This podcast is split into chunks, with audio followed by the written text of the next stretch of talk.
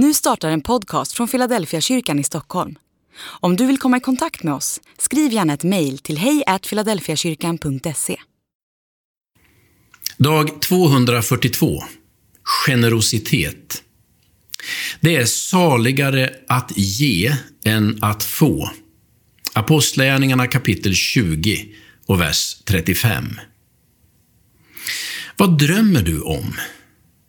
För egen del skulle jag vilja kunna spela gitarr, gå några kurser i spanska och kunna åka rullskidor. De flesta, drömmar vi, de flesta drömmar vi har kretsar kring saker vi vill kunna, göra eller uppleva. Gemensamt är att det handlar om att skaffa sig mer, antingen av kunnande, verksamheter eller upplevelser.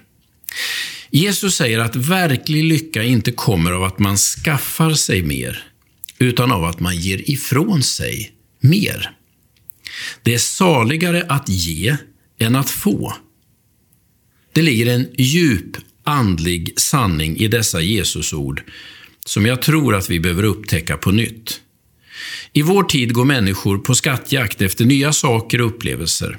Vi bombarderas med reklam som får oss att tro att det inte bara är praktiskt med ett nytt kök, utan att man blir både smal, snygg och lycklig om man får ett.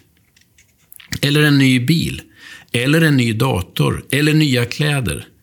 Det tar aldrig slut.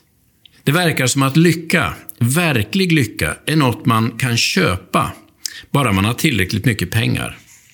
Alla megafoner i vår tid skriker ut samma budskap. Kom och köp. Och det vi hoppas komma över är lycka och välbefinnande. Kanske ett par nya skor, eller en ny väska eller en mobiltelefon kan få mig att må bättre. Jesus säger att det är precis tvärtom.